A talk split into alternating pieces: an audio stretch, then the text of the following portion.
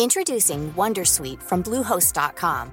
Website creation is hard, but now with Bluehost, you can answer a few simple questions about your business and get a unique WordPress website or store right away. From there, you can customize your design, colors, and content. And Bluehost automatically helps you get found in search engines like Google and Bing. From step-by-step guidance to suggested plugins, Bluehost makes WordPress wonderful for everyone. Go to bluehost.com/wondersuite.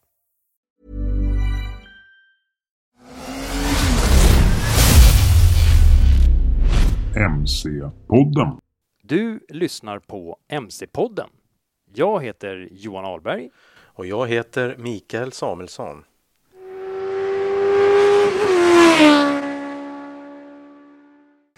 Jaha, nu har vi sjungit upp här Micke. Det har vi.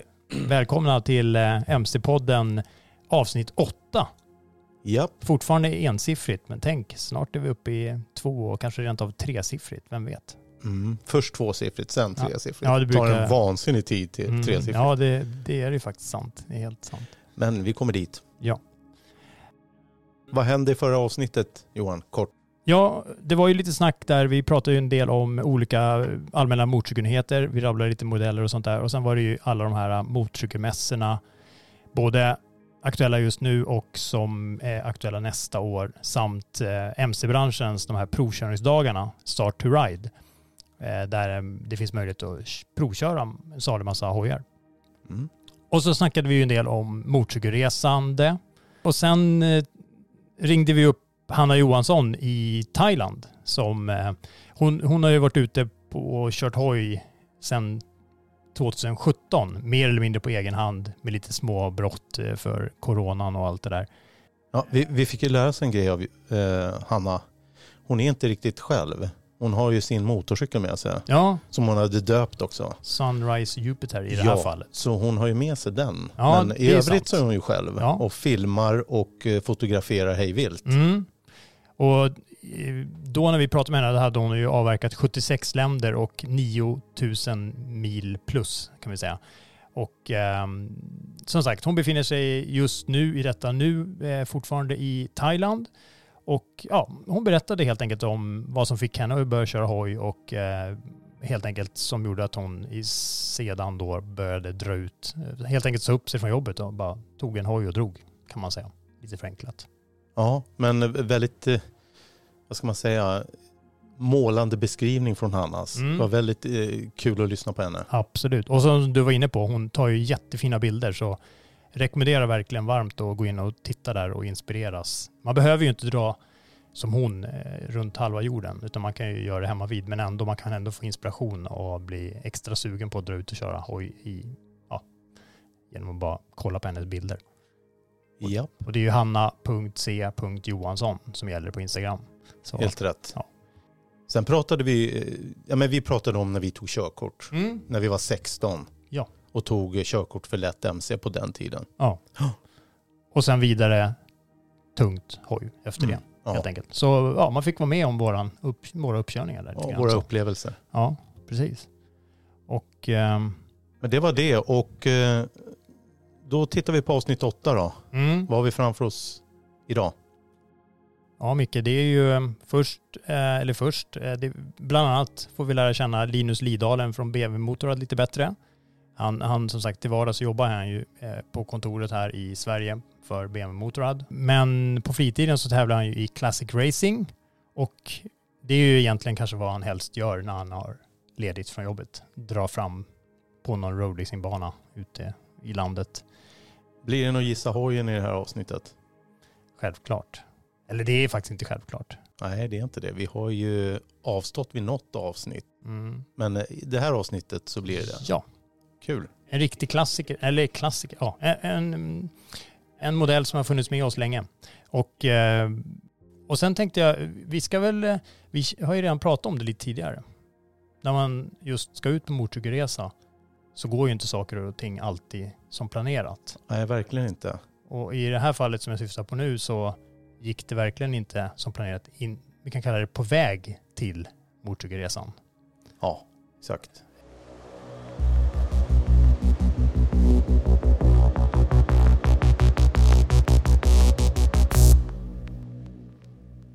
Egentligen just i detta nu kan man väl säga, men också när detta avsnitt publiceras, då har ju definitivt eh, nya Triumph Street Triple RS provkörts av vår norske kollega Thomas på spanska Skärresbanan och um, i trakterna där kring ute på vägarna.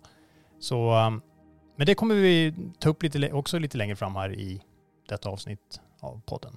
Mm. Kommer vi kanske få höra Thomas Ja, vi Berätta ska lite själv. en liten live-rapport direkt från Skärres. mm. Eh, Så, eh, ja. Och eh, lite, vad ska man kalla det? Första intrycket från den första provkörningen av den här nya modellen, eller uppdaterade modellen kan vi kalla det. Men Johan, vi kör igång va, med ett eh, första klipp i Gissa hojen. Det låter bra. Gissa hojen med MC-podden.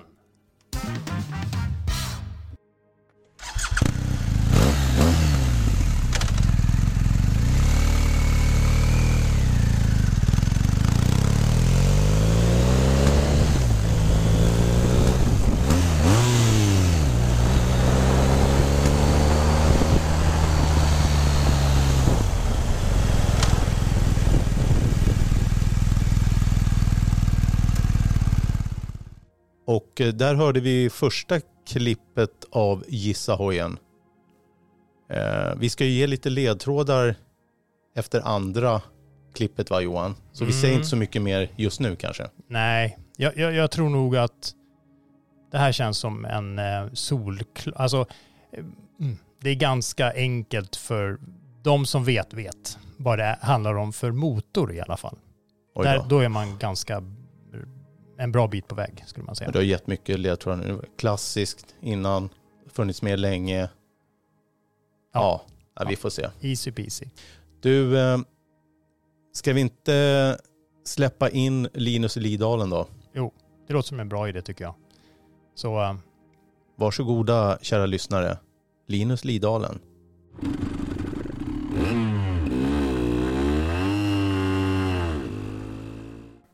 Ja men hej, eh, Linus Lidalen heter jag. Eh, jag är 41 år gammal, har mina rötter i Kalmar men bor sedan många år tillbaka i Stockholm. Eh, jag jobbar idag som varumärkesansvarig på BMW Motorrad och har ju varit inom BMW-koncernen ungefär sedan 2010. Eh, eh, men i, i grund och botten en riktig motorcykelentusiast eh, ända sedan barnsben. Det var en, en del av min familj när jag växte upp som, som liten. Då tänker jag ju direkt på liksom, hur, hur började allt? Jag råkar ju känna till din kära far, bland annat, och har jobbat med honom. Eh, jag tänker, så jag förstår ju verkligen vad du menar med att du, du är skadad sedan barnsben, så att säga. Sk- Skadad var väl ett, ett hårt ord. Fått förmånen. Ja, verkligen, verkligen. Och jag tänker, hur skulle du säga att allting började? Vad, vad är ditt absolut första motorcykelminne?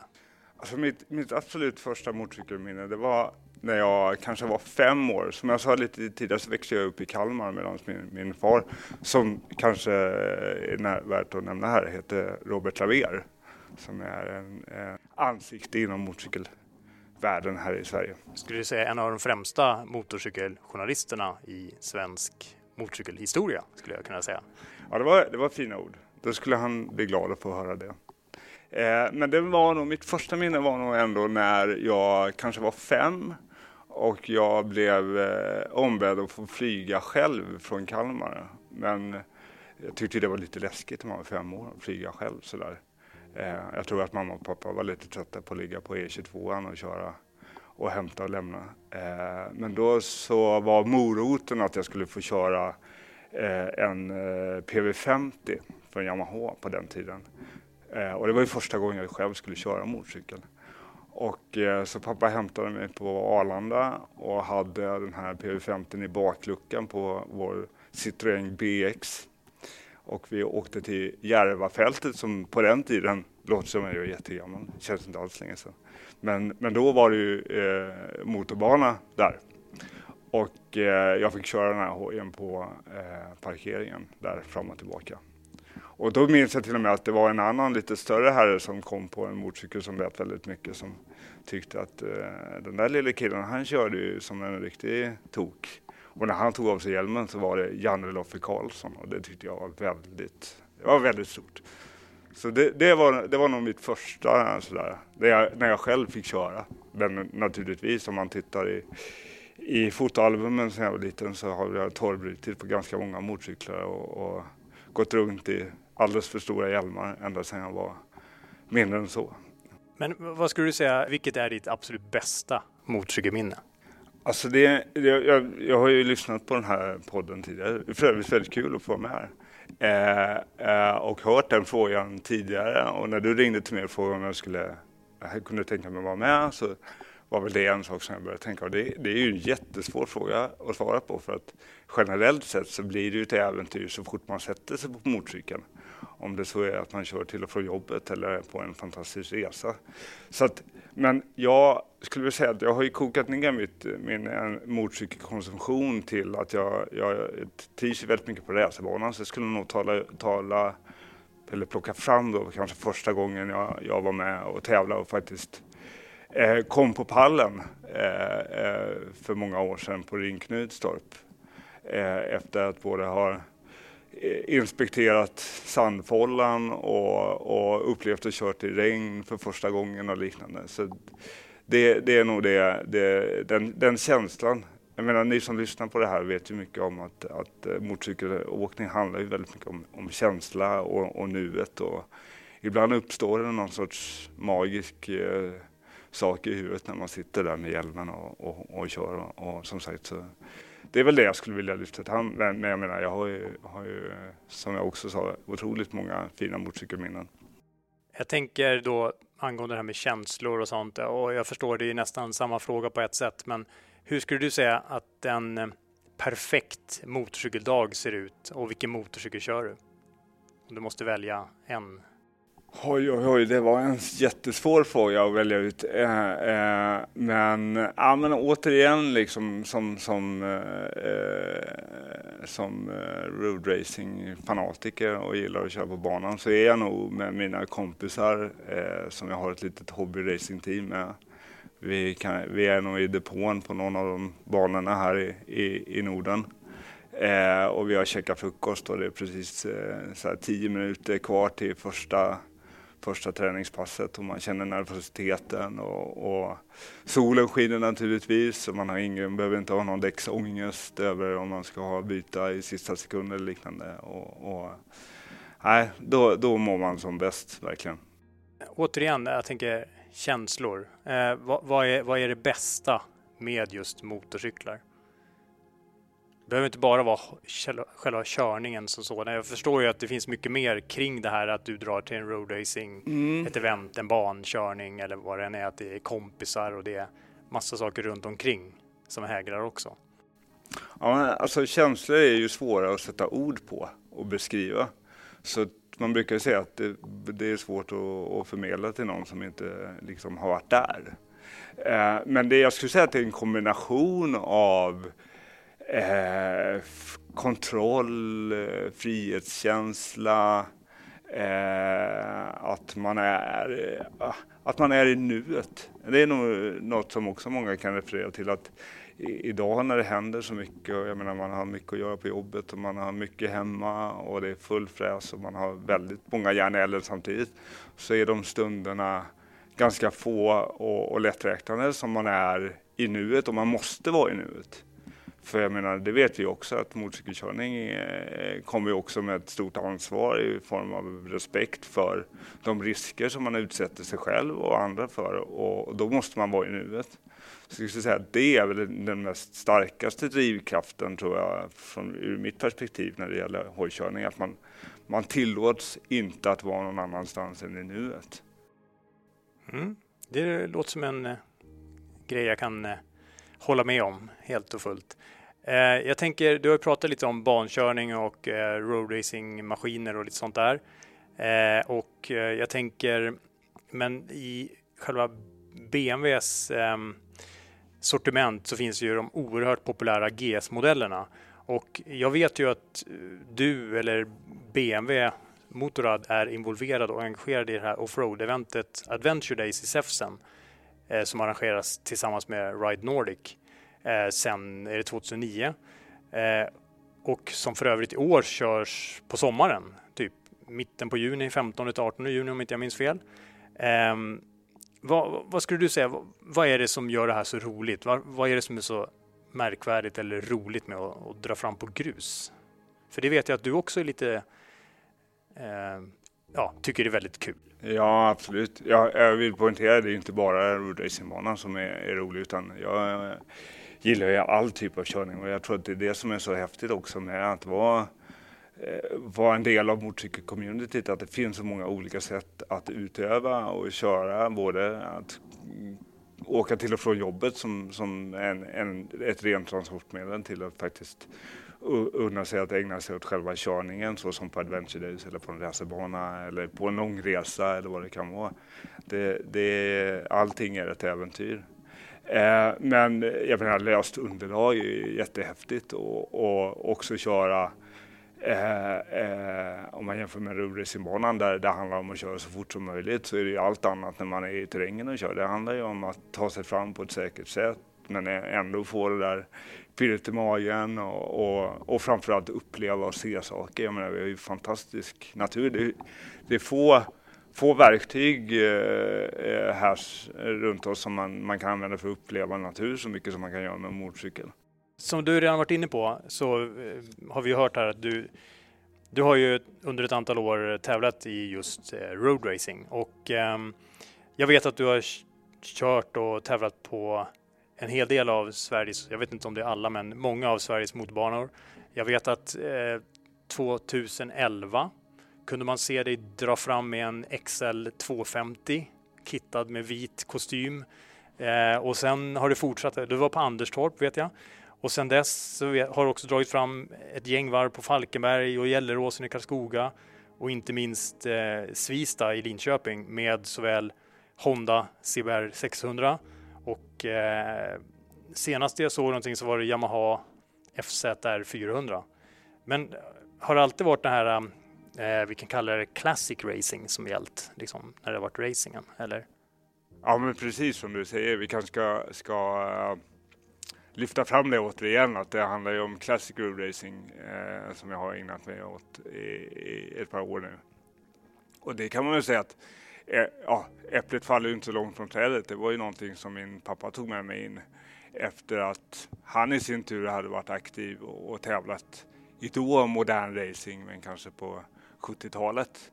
Så någonstans runt millennieskiftet så började han åka i Classic och det blev ju en, en, en plats för mig att vara med som liten och, och så kom den dagen, du vet, när man kanske tjatat tillräckligt mycket eller liknande. Min, min, pappa gjorde en väldigt bra grej. Han sa alltid till mig att eh, det är självklart att du ska kunna tävla, men det kan du göra den dagen du själv har råd med det och själv kan prioritera liknande. Så jag började ganska sent. Jag var nog 28 när jag körde min, min första tävling. Men som sagt, det är jättekul och man ska väl också vara lite tydlig med att classic road racing är inte alls kanske på samma allvar som modern racing är och innefattar kanske inte lika mycket tid och resurs eh, som krävs för att vara eh, på, på toppnivå i, i svensk roadracing eller internationell roadracing fram, framför allt.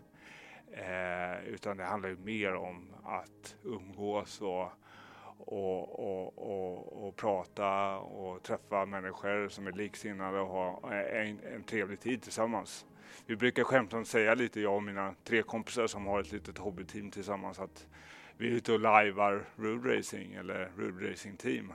Och vanligtvis så brukar man kanske referera live till folk som har ringbrynja och, och, och svärd och sköld och står i en park och leker medeltiden. Men i vårt fall så låtsas vi för en helg att vi är road racing-stjärnor och, och, och ja, har kul tillsammans. Men jag tänker, vilken är den absolut häftigaste hoj du har kört på, på bana? Ja, men det måste jag ändå säga att eh, i fjol när vi fick provköra M1000 RR för första gången på racerbanan, jag menar det är en motorcykel med mer än 200 hästkrafter som väger mindre än 200 kilo. Eh, alltså det är så mycket kraft i en sån maskin så det, det är helt knasigt. Eh, och då skulle jag säga, då gjorde vi ändå det på en bana i Sverige och våra banor här är ju ganska små. Det här är en motorcykel som är byggd för en stor internationell GP-bana liksom. Så att vi fick ju bara en liten, liten smakbit av vad, vad, vad den kan leverera. Men det är ju helt klart eh, en av de häftigaste.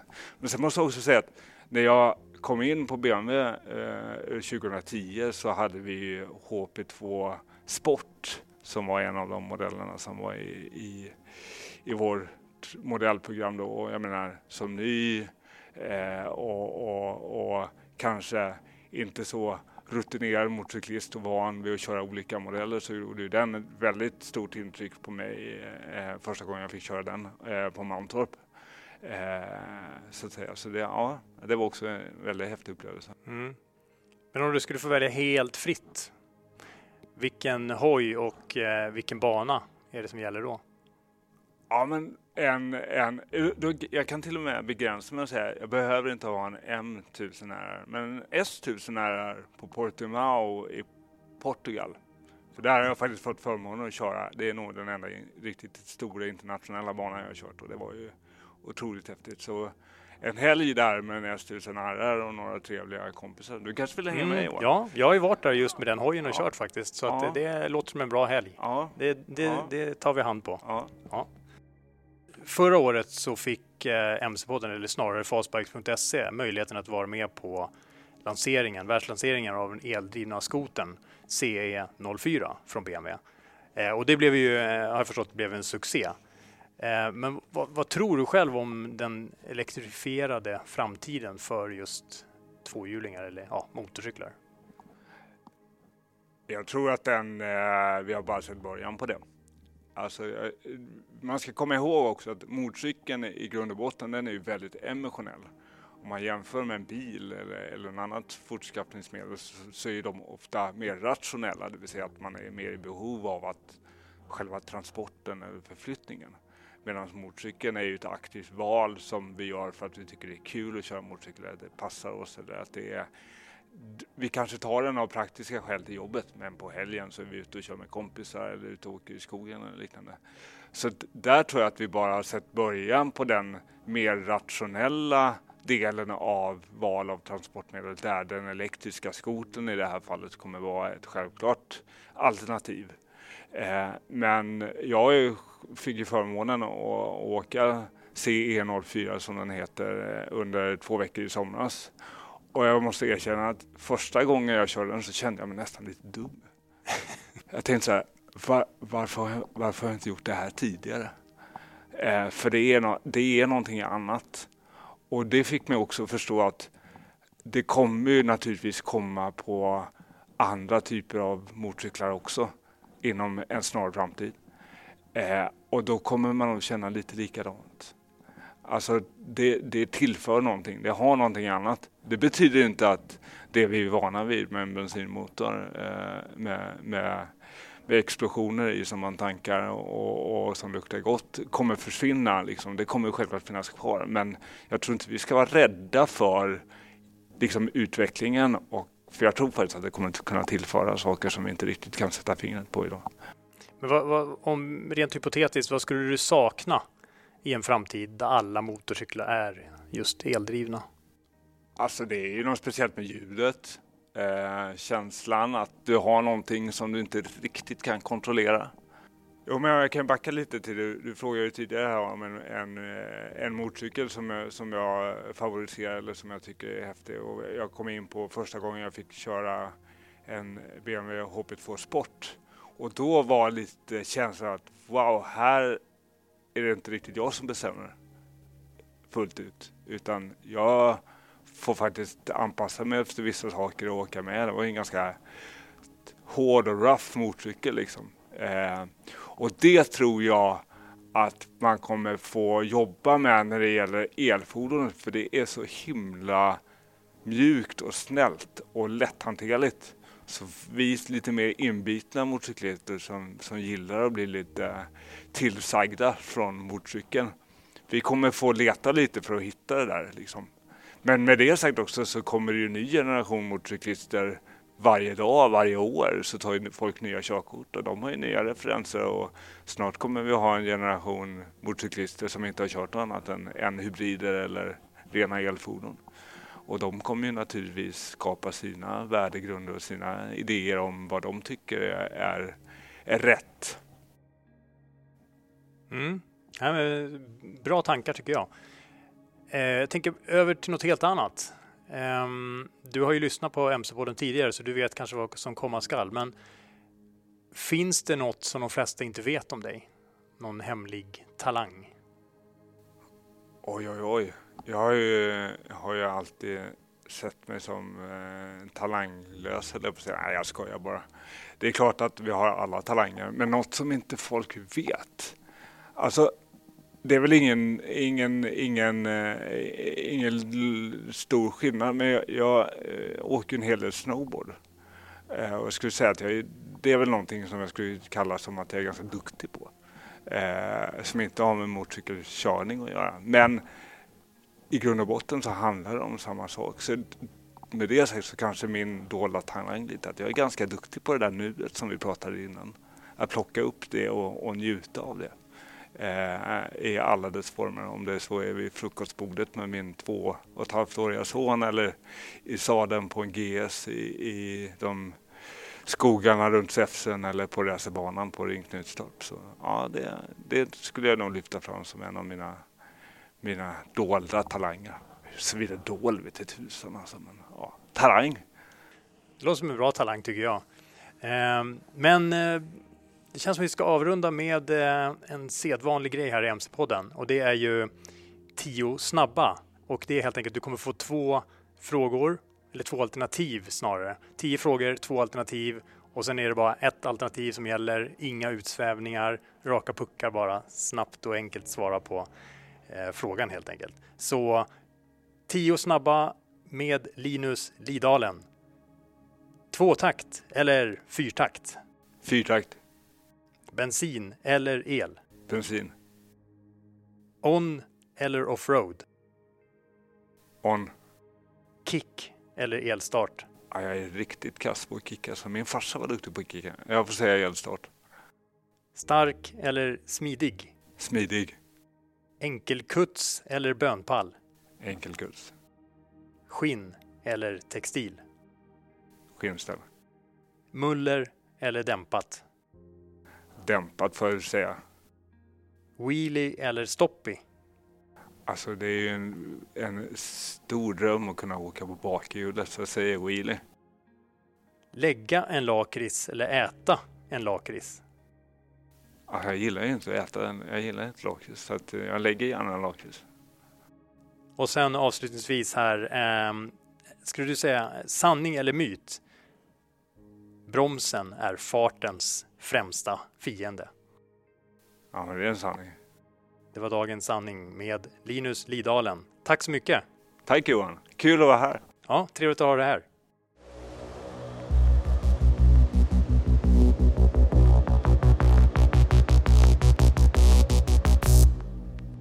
Och där, eh, kära lyssnare, Linus Lidalen från BMW. Mm. Vad säger du Johan?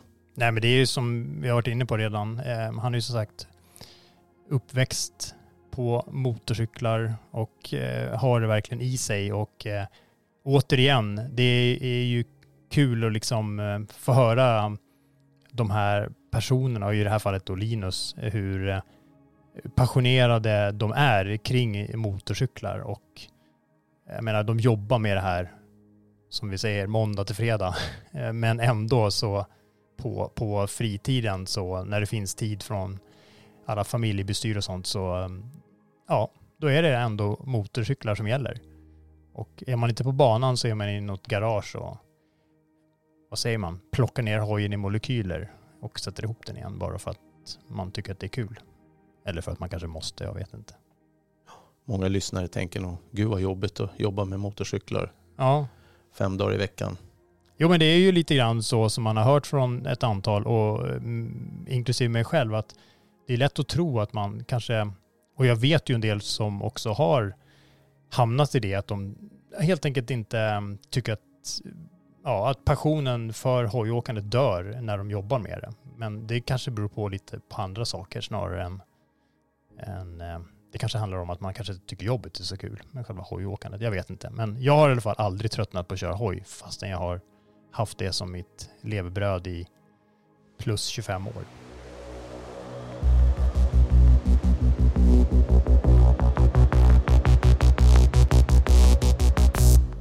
Ja du Micke. Det känns som att det passar in bra med eh, andra klippet i eh, Gissa hojen här tycker jag. Ja, vi kör. Gissa hojen med MC-podden.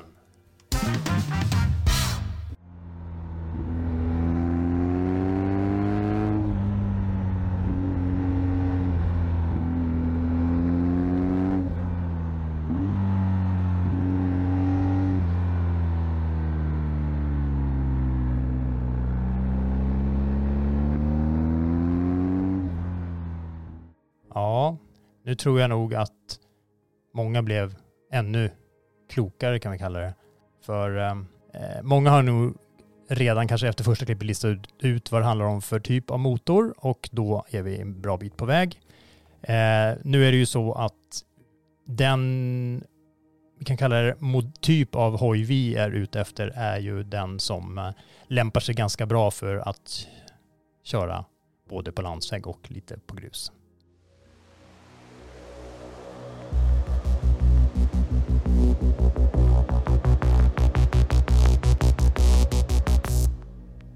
Men Johan, ska vi inte ta och ringa upp eh, den norske gutten eh, Thomas och höra hur, eh, hur det går med Triumph-provkörningen? Ja, Nej, men jag tycker vi, vi slår Thomas en pling.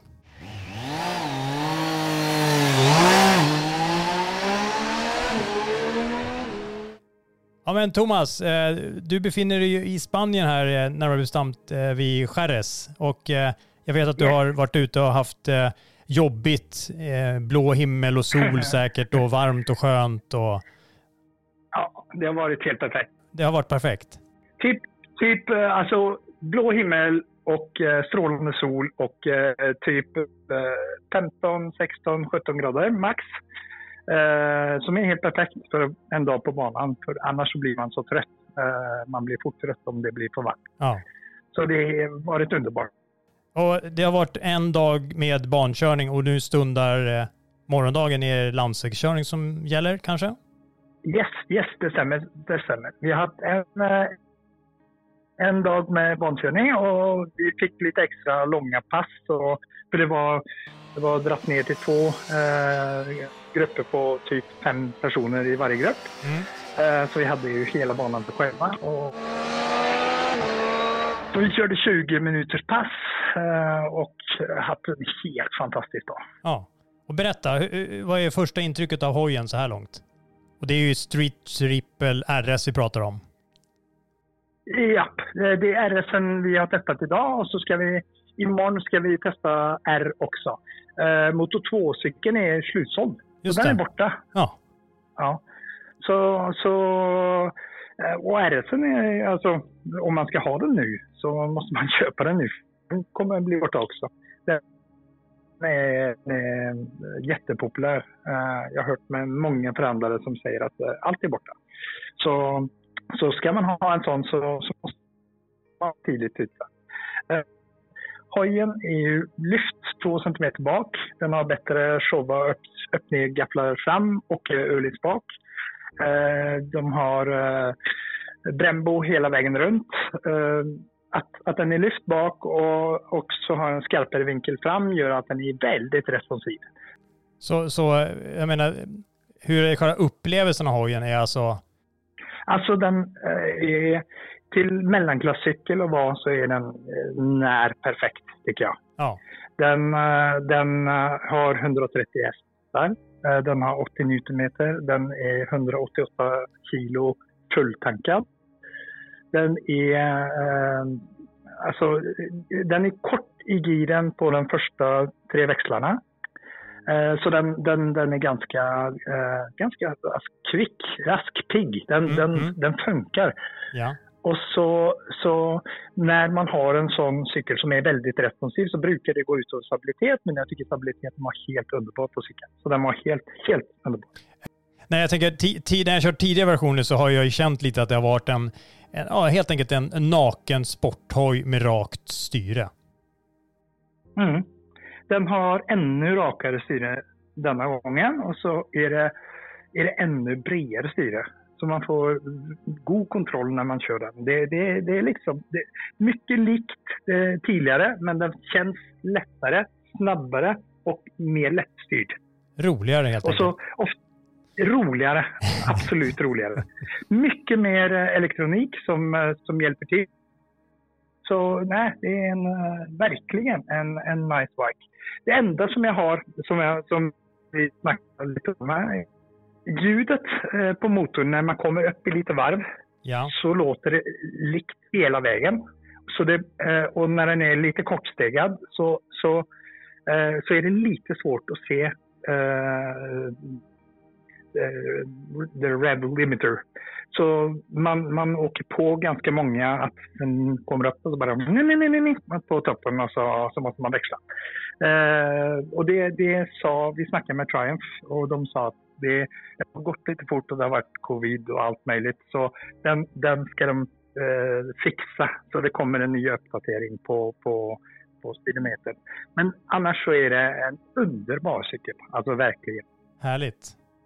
Jag tror, eh, jag tror eh, alla som har köpt den här cykeln kommer att vara jättenöjda. Det, det har ut i och ändå är det nästan slutsålt. Så det, är- det är en cykel som de kommer att gilla. Ja, vad roligt. Du låter ju som att du i alla fall har varit i himlariket idag och jag hoppas att du får fortsätta att njuta av fantastiska vägar och bara njuta i solen av en fantastisk hojåkning imorgon också. Det hoppas vi ha med. Ja, vi, imorgon så ska, vi, så ska vi ut och, och köra och få testa lite på landsvägen. Och, jag tror nog, alltså på, på banan så hade de knäppt till lite extra för att den skulle passa alla och, och vara var tajt och fin på, på banan. Så det blir spännande att se hur den, eh, hur den funkar på, på landsvägen också. Ja. ja men det låter ju som att, eh, som sagt, det kommer fortsätta och inte vara så synd om dig imorgon. Så att jag får önska dig lycka till och, och, och ha det så roligt helt enkelt. Tack så hemskt mycket och jag ska försöka ha det så roligt som jag bara klarar.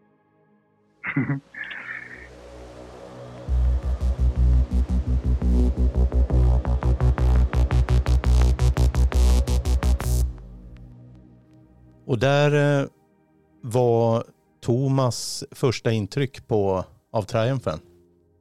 Ja, jo men vi kunde ju verkligen höra glädjen i, ja, i rösten och man förstod verkligen på honom som att han, han hade inte haft tråkigt i alla fall. Men Johan, eh, vad kan vi mer säga om Triumph Street Triple RS då? Ja, eftersom Thomas bjöd ju på lite sådär här eh, känsla, eh, känslor för hojen och lite första intryck. Men i, rent tekniskt kan vi säga så här att det är liksom till i år så har ju den här redan sportiga nakna modellen blivit, ja, tagit ytterligare ett kliv. Hur det nu är möjligt. Man börjar tycka att saker och ting börjar bli galna nu nästan. Ja. Men det här är ju alltså en, en väldigt liten smidig eh, maskin. Vi pratar en 765 kubiks eh, motor, en trecylindrig motor som nu har fått eh, nya så kallade högkompskolvar tillsammans med nya vevstakar och ventiler. Ja, för att nämna några av alla uppdateringar hos motorn. Och det har i alla fall resulterat i att toppeffekten har ökat med 7 hästkrafter och är nu, ligger nu på 130 hästkrafter på topp och maximalt 80 newtonmeter i vridmoment eh, som bäst. Då, då. Sen, sen är det ju sjukt det här Johan, vad, vad liksom teknik har blivit standard nu för tiden. Ja. Eh, det, det blir ju mer som så att det är helt fullproppat med Ja, men teknik som, med- nu, nu är det standard med, det är liksom nästan självklart att man har en färg TFT 5-tumsskärm. Liten mobiltelefon helt enkelt som med massa olika körlägen. Det är, det, är liksom, det är verkligen standard nu med wheelie control som ska ja, helt enkelt minska risken. Man kan ju ställa dem där ofta så inte Mm. framhjulet skickar i luften om man nu inte vill det. Antispinn, ABS-bromsar och eh, den har även så här ett slags kombisystem. Så när du bromsar fram så bromsar även lite bak och vice versa. Så man då kan, men det kan anpassas lite beroende på om man typ kör, kör track mode som det kallas. Så då är det inte så. Då är de helt separata från varandra. Ehm, men till i år i alla fall så har ju vi, vi har ju liksom, det är verkligen, det är som en banracermaskin det här. Mm. Men med rakt styre och Mm. inga kåpor. Och ehm, Då kan man ju bara gissa hur kul det är. Liksom. ja, så det det, och, och den är ju liten liksom. Och, eh, de, alltså jag har ju kört den här, alla versioner av den här fram tills nu. Nu har jag inte kört den här som vi pratar om i detta nu. Eh, och jag ser verkligen fram emot att få göra det. Men rent, alltså om man då tänker att bara på den här då så sitter det liksom en, en riktigt häftig Showa-framgaffel, en 45, 41 mm och ölinare bak, fullt justerbara. Vi har Stylema eh, Brembo ok, alltså radiellt monterade fyrkolvs eh, Stylema bromsok. Eh, och eh, alltså jag kan bara tänka mig hur grymma bromsarna är. Mm. För det, det känns som nästan överdimensionerat. Och, eh, ja, och sen vet jag att man har, man har modifierat växellådan lite nu. Man har helt enkelt en högre etta och resten av de resterande fem växlarna är lite, har lite lägre utväxling. Och sen har man minskat eh, framdrivet med ett kugg från 16 till 15 och ökat i bak från 46 till 48. Och det här då ska ge lite tillspetsad acceleration. Då då. Eh, ja, så den är ju helt enkelt lättare och smidigare. Så allt verkar gå den vägen hela tiden nu. Det Mm. blir bara lättare och lättare och mer pulver. Så det, det ja. Och ska det sluta? ja. Men eh, det kommer ett komplett reportage sen Ja. eh, från den här provkörningen då Ja, av eh, nya Triumph Street Triple RS. Ja. Och det kommer publiceras på fastbikes.se sen. mm. och det, den dyker upp där alldeles vilken dag som helst. Men eh, sen Johan, jag vet ju att du ska ju iväg alldeles strax. Mm. Jag beger mig ytterligare lite söderut eh, till sydligaste Sydafrika. Sydligaste Sydafrika. Ja, Det är långt ner. ja. Där är det dags eh, att provköra nya Husqvarna Norden 901 Expedition. Och, Och eh, Då pratar vi ju en eh, stor offroad-maskin. Mm, precis. Eh, jag var ju och provkörde den förra året ungefär, för lite mer än ett år sedan, på Azorerna ute i Stilla havet. Eh, då den introducerades. Och nu har det alltså kommit en Expedition-version som, som i standardutförande har ja, lite packväskor, en rejälare hasplåt. Eh, och den har fått samma typ av kåpglas, eller ja, vindruta beroende på vad man säger, eh, som eh, hos KTM 890 med en liten så rektangulär bit som de har tagit ur som har, verkligen funkar. Vet- Ja, de har gjort lite vindtunneltester kan man säga eh, som gör att det blir minimalt med eh, turbulens bakom kåpglaset.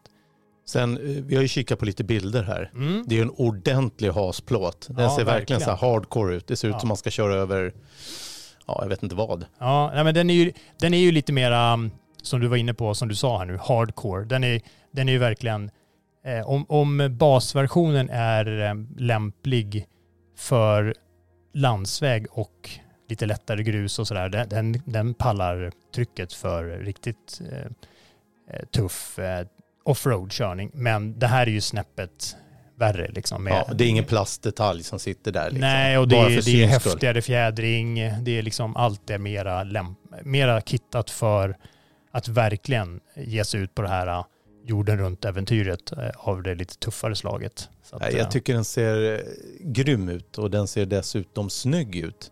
Eluppvärmd sadel, eluppvärmda handtag, centralstöd, GPS-fäste.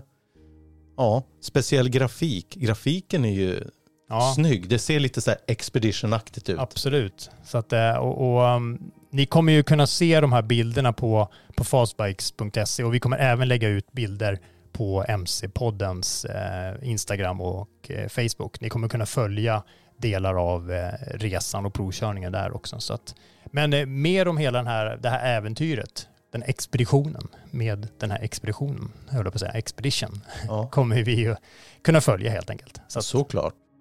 Blir specialare längre fram. och precis som Triumph-hojen så kommer hela reportaget publiceras på fastbikes.se.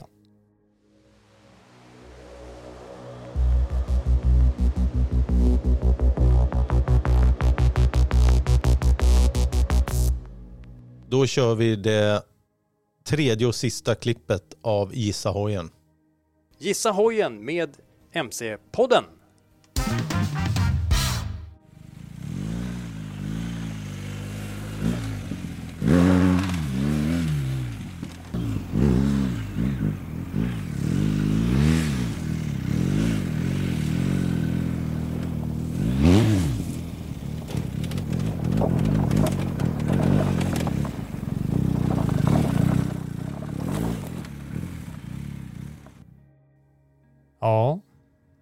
Där så.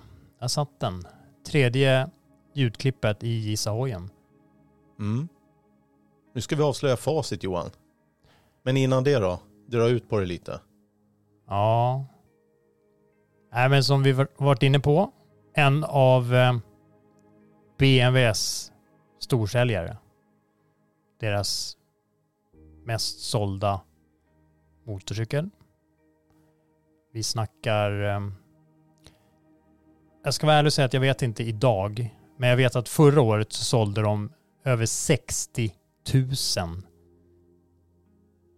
av den modellen som vi tänker oss här nu. Och 2014 så hade de sålt över 500 000 exemplar av den här modellen eh, som det handlar om från att den introducerades på marknaden 1980.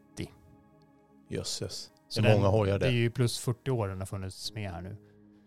Eh, och eh, jag tror att alltså vi kan inte vara långt bort till en miljon utav den.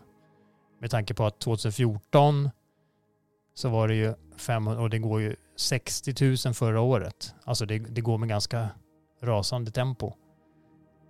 Och nu blir det ju fler och fler marknader. Jag menar Indien och flera har ju börjat köpa mer och mer hojar och sådär också. Så att, så att ja, det, det kan gå fort. Eh, och modellen det handlar om är 1250 GS. Den kom ju 2019, 1250 och eh, blev ju snabbt populär. Alltså ända sedan den introducerades, den här GS-familjen på 80-talet då, så har den ju funnits i mängder av olika. Den kom ju som R80 GS och hela vägen har den ju varit kardandriven och en boxermotor som drivkälla. Men sen har den ju faktiskt även funnits i eh, som encylindrig och parallelltvinn.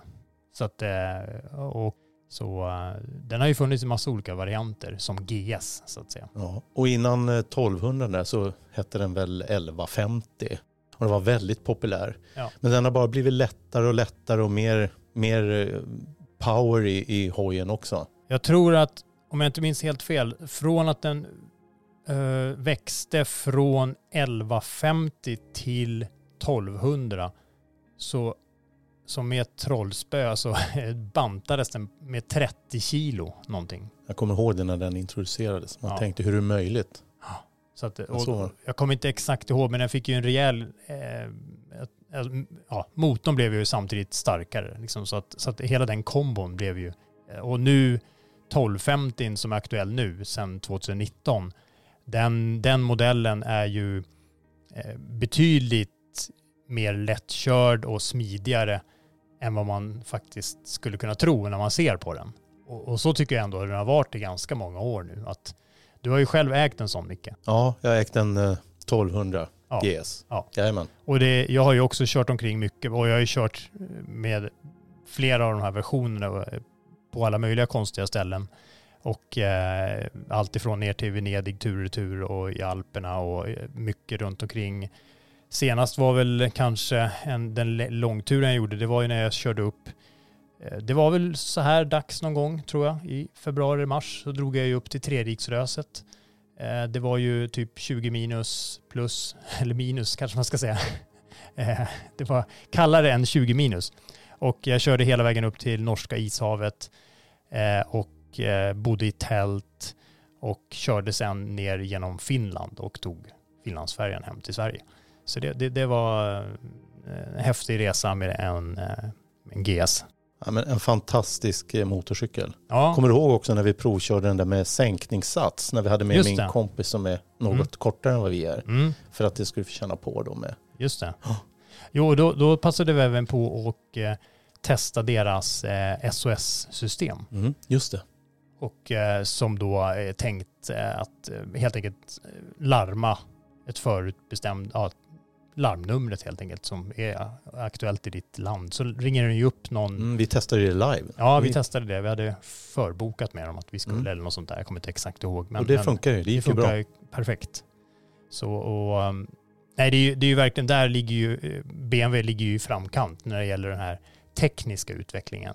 Alltså vi pratar, de var ju jättetidiga med alla de här elektroniska förarhjälpmedlen som ABS, eh, vi pratar antispin, vi pratar alla möjliga sådana lösningar. Men också har de ju, de har ju haft sin den här telelever eh, fronten, alltså som är som en, det är nästan, man kan säga att den sitter en svingarm i fram också. Som där man har gaffelben, men man har ju också en stötdämpare som sitter som, som eh, är lite unik för BMW då. då. Den kallas ju telelever som ska göra, man ska ju hämma den så kallade, vad säger man, eh, nigningseffekten när man bromsar och sådär. Normalt sett så brukar ju motorcykel gärna vilja sänka sin front, alltså niga ifrån när man bromsar hårt med frambromsen. Men det är ju något som BMW har kommit på en teknik för då, som kallas för telelever helt enkelt. Och när man tittar på den här hojen, den ser ju väldigt stor ut. Den ser ju väldigt, eh, de äldre hojarna ser ju lite klumpigare ut. Men mm. de är ju inte det. De är ju väldigt lättkörda, det vet ju både du och jag. Ja. Så folk som inte är van att köra sådana motorcyklar säger de, men hur är den att köra? Men den är ju smidig. Går att ja. köra på skogsstigar och det är ju inte som en enduro-maskin, men det går ju ändå att ta sig fram mm. överallt. Ja, absolut. Och sen en annan grej som, är, som har gjort att den har blivit så populär är ju självklart kardandriften som gör att man eh, slipper, i synnerhet på de här riktiga långresorna. Man, man, ja, man behöver inte ens bry sig egentligen. Utan jag säger inte att det är underhållsfritt, eh, även fast kanske BMW påstår det så behöver man ju ändå kanske se över och göra viss service med något oljebyte emellanåt. Men det är, vi pratar ju långa intervaller här. Och eh, under årens, tidigare så fanns det ju någonting som kallades hissningseffekt när man gasade och så, här, så höjdes den lite grann och sen sjönk ihop lite när man släppte på gasen och så. Här. Men det har man ju också med den här nya versionen eh, av eh, paralever så har man ju eh, kommit undan det på ett väldigt bra sätt.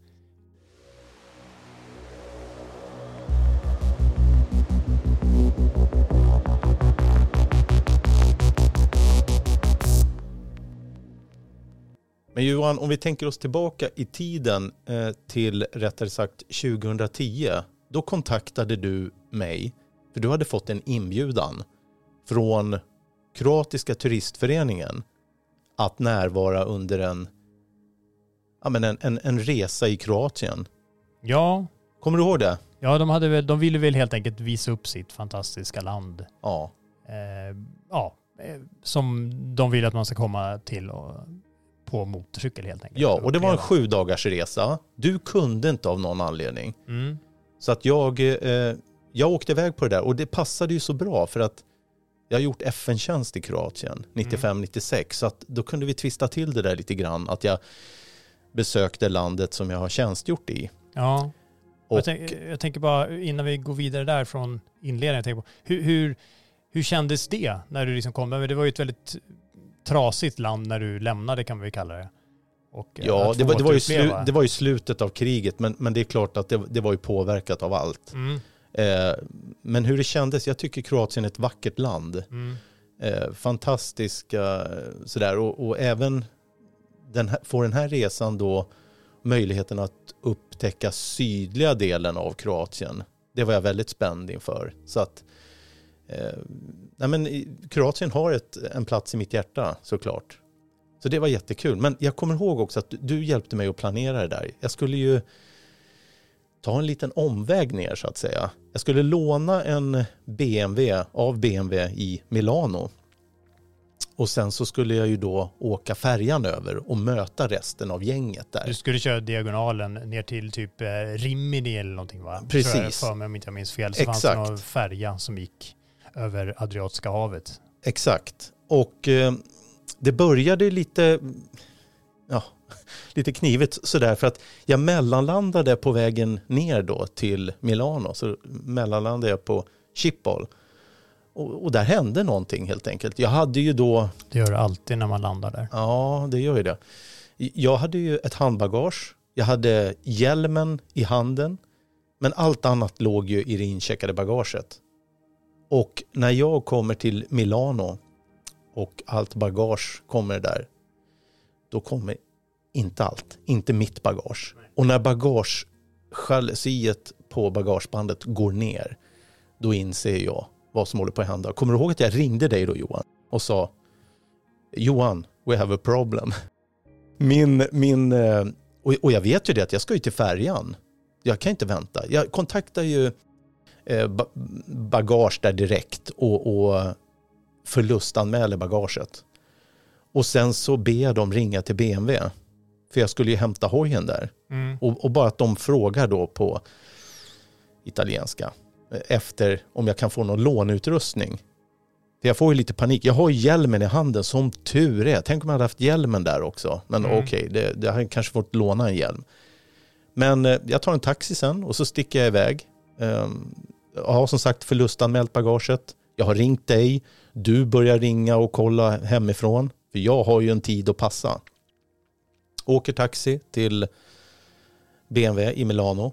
Och eh, där står ju motorcykeln, en vit BMW F800 GS.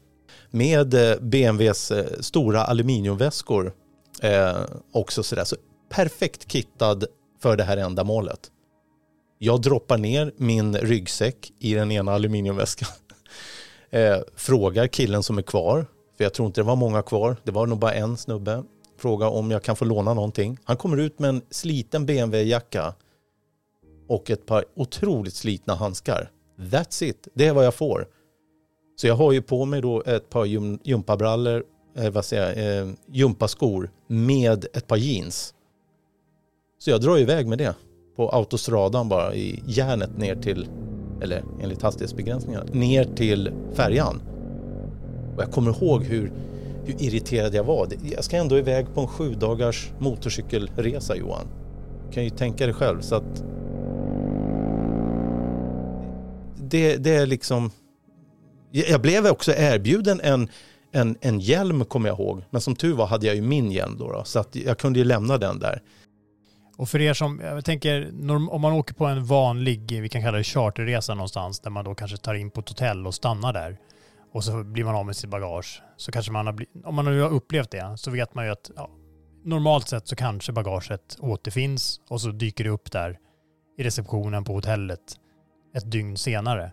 Problemet här var ju att ni var ju inplanerade att följa en rutt där ni Ja. bodde på nya ställen varje dag. Vi hade ju ett späckat schema. Vi skulle besöka ett antal öar. Mm. Hur sjutton ska bagaget komma ifatt mig? Mm.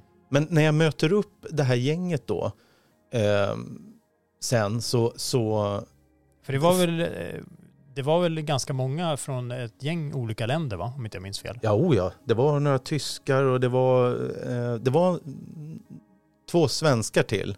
Mm. Eh, och sen så var det ett antal andra, eh, en dansk också.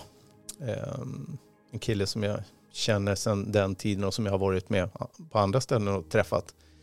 Men jag fick ju förklara för dem där helt enkelt att eh, mitt bagage var borta.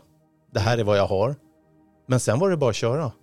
D- eh, morgonen därpå i Split då, där vi träffades, så var det ju bara att bege sig över på färjan till ön Brac. Och fantastisk resa. Fantastiska stopp. Fantastiska hotell. Eh, upplevelser som vi fick eh, med tiden. Men vi fick ju då besöka de här och se Kroatien från eh, sin bästa sida. Men Micke, jag tänker, vi har ju människor som väljer eh, av fri vilja att slarvar lite kan vi kalla det, som vi, som vi två ser på det i alla fall. Det där med MC-utrustningen. Men jag vet ju, du brukar ju vara ganska, alltså du gillar ju att ha bra grejer på dig. Eh, för det är ju det, det är ju minsta man kan göra för sig själv så att säga om man nu, nu kör motorcykel. Och hur kändes det att, att liksom dra omkring där i dina jeans och gympadojor? Ja, men det kändes inte bra alls. Eh, vi började ju planera hur vi skulle få ihop det här. Men samtidigt var det ett späckat schema. Jag vill inte påverka det här negativt. Så det bästa det var ju för mig att hålla humöret uppe. Mm. Att eh, vara schysst mot alla andra och åka med. Och med guide så gå, det går ju undan. Mm. Vi ska ju ha, ha tider att passa. Så det Ja, är bara köra. Men, men det, Det, kändes... var väl hundratals mil ni skulle avverka? Ja, ja, ja. Men, men det kändes inte bra Johan. Det gjorde det inte. Att åka runt med det där. Eh, och jag hade ju minimal packning så jag behövde ju liksom inte packa ur och packa. Ja. Jag fick det, jag köpte lite um, turist-t-shirtar. Jag Ja. fick eh, kalsonger, eh, tvättade sådana, Mm. av eh, min svenska kollega där. Ja. Eh, han sa att jag kunde behålla dem. Men jag tänker på när, när du tog liksom, eh, du fick ditt andrum där efter du tog färjan från Ancona på öst, italienska östkusten där till eh, där du skulle vara nu då, Du, Split. Split ja. Eh, och jag tänker, vad, minns du liksom, vad, vad tänkte du när du var där? Det kanske var då du ringde mig också, jag har ingen aning. Jag, jag roddade ju från mitt håll med flygbolaget och jag var ganska, jag minns att jag var ganska tydlig och eh, jag ska inte säga barsk, men jag var ganska tydlig med att de var tvungna att lösa det här på något bra sätt. Och det gjorde det ju till slut. Ja, jag kommer ihåg också att du sa att det här var en arbetande journalist då som behöver skyddsutrustning. Mm. Att trycka på det liksom. Ja. Och, och det gav ju effekt. Eh, men vi besökte ju ett antal öar, ett antal aktiviteter. Eh, MC-klubb eh, besökte vi. Fantastiska rundvandringar i, i trånga gränder, på stränder. Vi, vi åt eh, fantastiskt god mat. Eh, vi var också, eh, förutom på ön Brač, så var vi ju då på eh, Hvar, ön Hvar och eh, gjorde diverse aktiviteter. Men sen, eh, och så var vi på Korčula också. Eh, men sen eh, blev det ju så Johan att när vi kom till Dubrovnik, då under hela den här resan så frågade jag ju guiden om de kunde hjälpa mig när representanter ringde om mitt bagage. Så då, då, då sa ju de att den här killen han är ju på en resa så att eh, bagaget hinner inte i fatt. Men de, de försökte med all tapperhet att träffa bagaget med mig. Men så fort vi var någonstans då, då var bagaget efter. Men när vi kom sen till Dubrovnik då frågade jag om det fanns någon MC-butik där och det fanns det.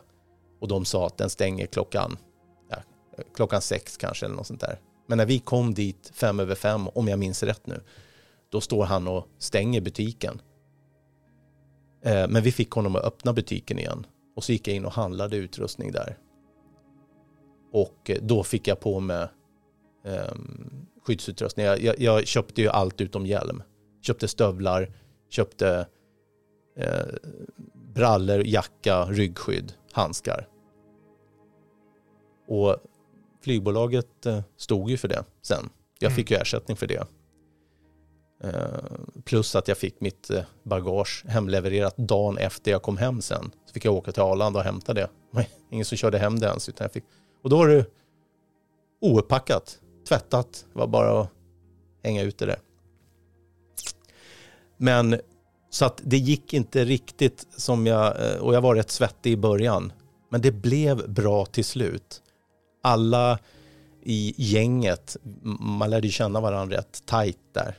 Eh, och en av de kroatiska guiderna där, han eh, ville ju skoja lite med mig.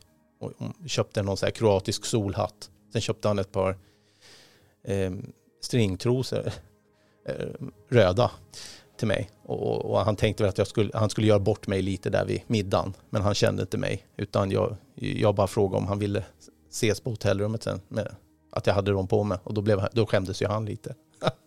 ja, men det var rolig stämning och sådär. Och då, mina kollegor de var fantastiska. Men eh, jag tänker på eh, själva körning. Vad har, vad har Kroatien att bjuda på där? Jag vet, de har ju allt från höga berg till, det är mycket kust, mycket ringlande vägar. fantastiska motorcykelvägar. Och vi åkte upp i bergen och vi åkte längs kusten och nej, fantastiskt. Vi åkte på grus, vi åkte på asfalt. Vi provade allt möjligt och, och, och den- vis, landet visade sig verkligen från sin bästa sida. Fantastiskt väder var det. Trafikmässigt, liksom, är det lite trafik och man kan liksom ganska...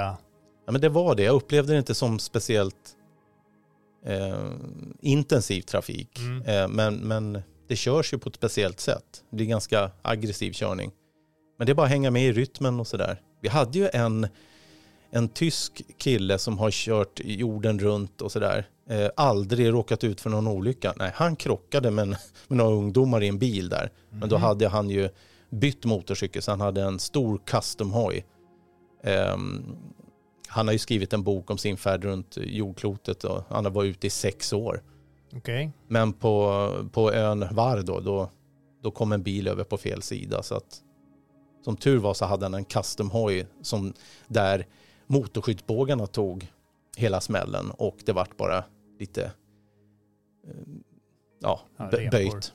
Ja, och bilen såg ut som, Så sju svåra år som man brukar säga. ja, för det var ju en liten minibil sådär. Men ja, annars så var vi förskonade för det. Man vill ju inte ha några olyckor och alla eh, mådde bra, åt gott. Men jag, Mm. jag- förutom det här lite lugnare tempot så vet jag, jag kommer ihåg att ni, det var lite MotoGP-racing där också på någon väg. På en känd kustväg som Magistrala eller något sånt där. Det lät nästan italienskt det där, men, men jag vet inte, i Kroatien. Mm. Där, där eh, jag vet att ni passade på att gasa lite Ja. mer än vad ni vanligtvis hade gjort under den här turen. Ja, precis. Hur- Där, där, fick man sträcka ut hjulen så att säga. Ja, okej. Nej, men det var, det var fantastiskt. Så här, jättefin asfalt, strålande sol. Du vet det här bästa MC-vädret. Mm. Men jag vet, för, ni hade bråttom för ni skulle ner till någon, någon flod där ni skulle få åka lite... Exakt, det, det var ju ett späckat schema där vi skulle få åka ut med träbåtar och vi skulle till ett museum då. Mm. Och eh, ja, ombo- ombord på båtarna så serverar de friterade grodor. Det var Va? ingen höjd. Jaha, jag trodde det var i Kroatien ni var. Det var inte i Frankrike? Nej, Nej. men man kan ju undra ibland. Ja. Ja, nej, så att eh, dagarna rullade på. Hela resan var fantastisk. Jag kan verkligen rekommendera Kroatien som utlandsvistelse. Eh, Det känns ju ändå även- prisvärt känns det som. ja, men även eh, utan hoj så skulle jag lätt kunna åka tillbaka dit med familjen. Mm. Väldigt vänliga människor och eh, väl omhändertagna och fantastiskt väder och miljö. Men om man nu inte är så himla sugen på grodor och, och ostron och sånt där. Jag tänker i, i matväg, vad, har du något minne sådär? Vad skulle du säga? Vad, Ja. vad tycker du att, har du någon tanke kring vad de erbjuder? Alltså, är det typ italiensk mat eller något helt eget skulle du säga? Nej, men, eh, det som jag minns från min FN-tid är att man vill äta cevapcici i bröd. Ja. Men, men eh, när jag sa det att jag vill ha det, då sa de att det, det är snabbmat för dem. Liksom. Det är ingen fin mat. Nej, just det. Men jag frågar under hela resan, kan vi inte äta det någon gång? Ja. För det är ju sjukt gott Ja. när man får den eh, kroatisk serverad. Sådär. Mm. Eh, men annars, det var ju blandad mat, allt möjligt. Mm. Det var helt okej. Och vi blev väl omhändertagna av guider och eh, representanter från kroatiska turistföreningen då. Eh, och det var även kul att vara på den här, eh, vi var på kvällsbesök hos en motorcykelklubb. Okej. Eh, och de väntade ju på oss då, tiotal medlemmar ungefär som, som fanns där med sina hojar. Vad, vad, berätta, vad, vad var det för typ av, liksom? Ja, men det var en klubb för alla. Okej, Det, det var liksom, vad blandad kompott? ja ja visst. Det Mm. var inte speciell märke eller något sånt där utan ehm, och sen så blev vi rundvandrare där och då var det ju en, eh, en kille där eh, Danko hette han. Eh, han visade sig att han har varit kroatisk kapten i, under kriget då i fem år. Och då sa jag att jag hade varit FN-soldat där. Så då, då gick vi upp en, en trappa och så pr- pratade han. Han öppnade upp sig ganska mycket för mig där och, och talade om vilket fruktansvärt krig och vilka fruktansvärda saker som hans land har blivit utsatt för. Så det var ett speciellt eh, tillfälle där. Eh, sen så fick jag en klubbtröja av honom. Jag behövde inte betala för den, för jag sa jag vill ha en klubbtröja. Men jag fick en för att jag hade varit FN-soldat och eh, hjälpt hans land på det sättet. Det var eh, ett fint moment. Men, men jag vet att ni var ju inte bara i Kroatien, även fast det kanske inte varade så länge. Men ni, jag har någon minne av att ni brakade väl in även i Bosnien och... Ja, precis. Eh, så när vi åker då eh, på vägen mot Dubrovnik, då är, då är man liksom tvungen att passera Bosnien och Hercegovina då. Eh, och det är ju att enligt internationell rätt då så ska Bosnien-Hercegovina också ha tillgång till internationellt vatten. Så då, då är det liksom en landremsa ner som gör då att, att det är Bosnien-Hercegovina då. Så då körde vi igenom det där. Men hur, hur funkade det då rent eh, praktiskt? Jag tänker på, var det mycket så här strul vid passkontroll? Nej, nej, nej, nej. nej. Det var... Vi åkte i stort sett bara igenom. Okay. Det var ingen kontroll på det nej, sättet. Okay. Um, så att, ja, men det, det, var en mycket bra resa. Jag är jättenöjd med att jag fick uppleva det där. Mm. Vad skulle du säga, förutom att bli av med all utrustning, nu fick du lite bonus kan man säga. Du fick ju även behålla din gamla utrustning också faktiskt. Så att... Jag fick tillbaka den ja. Ja, ja exakt. Men, men jag tänker, vad, vad, skulle du säga till den som är lite sugen på att kanske braka ner till Kroatien och uppleva det med hoj? Med sin egen hoj kanske rent av. Alltså om man, ja, antingen om man hittar någon hyrfirma eller om man åker med någon guidad eh, trudelutt eller om man kör ner dit för egen maskin. Ja, det finns ju att hyra hojar. Det gör det ju. Det mm. finns flera ställen att hyra hojar på. Så mm. det, det, är inga konstigheter. Men att åka med egen hoj, visst. Nej, men jag, som jag sa, eh, vägarna är riktigt bra. Eh, när vädret är som, det var nog lite för varmt när vi åkte. Så man kan ju välja liksom men fick inte... ni inte bada någonting då? Jo, vi badade. Mm. Det gjorde vi. Um, eller de badade. Jag hade inga badbrallor. Men du hade ju dina röda. Jaha, det var inga badbrallor Johan. Uh, så att, nej men det är klart vi badade. Och jag köpte andra uh, badshorts och sådär. Så att, nej fantastiskt. Och uh, en bra hoj. En, en bra hoj med, med packväskor som jag hade. Jag, jag hade hur mycket plats som helst. Jag kunde ta många av de andras packning. Men, men jag vet att i, i slutskedet av resan kom ju faktiskt ditt bagage. Jo, eh, det stämmer Johan att mitt bagage kom, men det kom ju aldrig ifatt mig. Utan... Eh, det kom till fel plats i alla fall. Ja, då var det i split. I, i rätt land, ja, men fel plats. Ja. Det, jag undrar vad mitt bagage har varit alltså. För att, eh, men då ringde de eh, från Split då och då hade bagaget kommit. Men eh, eh, Paul då, han som var med, representant från kroatiska turistföreningen, han mm. eh, förklarar för dem att det är nog lika bra att ni skickar hem Mickes bagage till, till Arlanda. Så, så, så liksom blev det att de skickade hem det och så kom det efter mig då. då. Mm. Och sen, sen egentligen var det väl bara ja, samma trudelutt tillbaks, färja tillbaks till Italien. Ja. Och vidare upp Precis. till Milano och lämna tillbaka hoj. Och... Lämna tillbaka hojen. Lämna tillbaka den slitna jackan. Lämna tillbaka handskarna. Jag hade med mig allt. Tacka för lånet. Satte min taxi. Åkte. Och det roliga Johan, det var ju det att jag hade ju full mc-mundering då. Och min lilla handbagage, eh, ryggsäck. Så att när jag klev igenom säkerhetskontrollen där i Milano så fnissade kontrollanterna lite och tittade på mig. Och då var det en som tog till orda där och sa eh, Where is your bike? Och då sa jag bara I don't have a bike, I'm just afraid of flying. Så satte jag på mig hjälmen och gick in och jäklar vad de skrattade. Så de tänkte att han är fullkittad här ifall, ifall planet går ner. Nej, jag skojar lite tillbaka med dem. Men eh, nej, det var en, en härlig upplevelse. Motorcykeln BMW F 800 GS fungerade perfekt. Eh, för ändamålet. En riktigt bra hoj och eh, en... Skulle du säga att det är den typ av hoj man ska ha om man kör där? Så man kan utforska Kroatien till fullo? Ja, alltså lite men, så offroad hoj? ja, av... men, men det, var, det, var, det är ju mitt sätt att se på det. För jag kunde åka liksom obehindrat överallt. Som jag sa så var det ju en custom-hoj med. Eh, som någon hade då. Men sen var det ju offroad-hojar. Det var ju lite nakna hojar, lite större hojar som de hade. Men Eh, nej, jag, jag skulle valt en offroad-hoj för att kunna eh, utforska även andra miljöer. Eh, och just det här med bra packutrymmen och sånt är ju, är ju riktigt bra att ha. Eh, vägmässigt så är det ju bra vägar men de är ju lite lappade eh, överlag och så där. Det kan ju vara lite halt och sådär.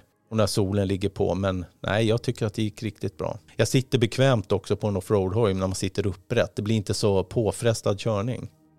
Och sen är ju BMWn väldigt eh, eh, snäll i motorn och sådär. Den är, den är ju liksom vibrationsfri och det, det, det, det, går bra liksom. Och den, marschar ju i, i bra hastighet också. Så att nej, det, det, var, det, var, det var bra. ABS-bromsar fanns det ju på. Så. Nej, så att... Eh, men sen kommer jag ihåg att den här BMW-modellen, den hade ju handtagsvärmare som standard. Ja, det var ju tur. Men det behövde jag ju inte. Men jag slog ju på den där ibland och tänkte, jösses vad varmt. Så jag fick ju slå av den då. Kom väl åt knappen. Eh, men nej, jag tycker att motorcykeln var bra. Eh, jag har ju ägt också en 650 F650 GS. Eh, och den här är då lite, lite mer vuxen, lite mer större och sådär. Mm. Men ändå smidigare än en 1200. Så att jag tycker att storleken var helt perfekt. Skulle jag haft skjuts, då hade jag nog velat haft en 1200. Men eh, ja, så det, det var väl lite om min Kroatienresa helt ja, enkelt. Strulig inledning men så blev det bra helt enkelt. Ja, väldigt bra. Ja. Väldigt bra upplagt och jag är tacksam för det jag fick se. Ja, Kroatien. Upplev Kroatien kan jag bara säga. Med eller utan hoj.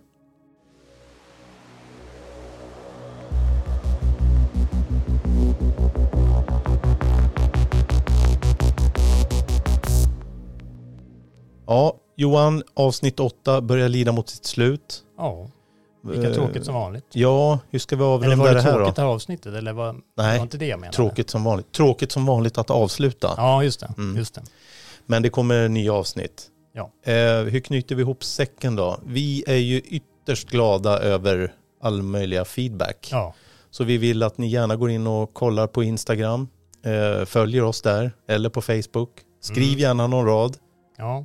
Och glöm inte heller att betygsätta oss när ni är ute och lyssnar på podden. Ja. Det vore trevligt, Absolut. så vi ser var vi ligger. Om ni nu tycker att podden är rolig, givande och bra så får ni jättegärna återkomma med det. Feedback och tummar upp och sätta betyg på alla möjliga ställen där man lyssnar på poddar. Så och det går även att, att mejla oss om man vill vara mer anonym, ja. så att säga, på redax med x mcpodden.se. Ja. Det kan ju vara allt. Jag tänker det kan ju vara önskemål också. Att man har tips. Vi har fått in väldigt mycket roliga tips eh, från alla möjliga människor om eh, vänner och bekanta eller förslag på eh, personer eller... Eh, önskegäst kanske? Ja, önskegäst eller um, andra typer av reportage eller saker vi ska ta upp här i podden. Så mm. det, det, är jätteroligt. Vi har en lång lista nu, den blir bara längre och längre. Så att... Ja, men eh, för den här gången är det över. Ja. Så tack så mycket Johan. Ja, nu ska jag börja smörja in mig med solskyddsfaktor. Det gör du rätt i. söderut. Det gör du rätt i. Var rädd om dig Johan, kör försiktigt. Tack Micke. Tack alla lyssnare. Vi hörs. Vi ses och hörs. Bra, hej. Hej.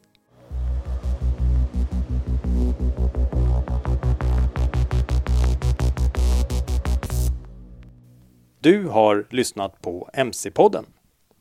Jag heter Johan Ahlberg. Och jag heter Mikael Samuelsson. MC-podden.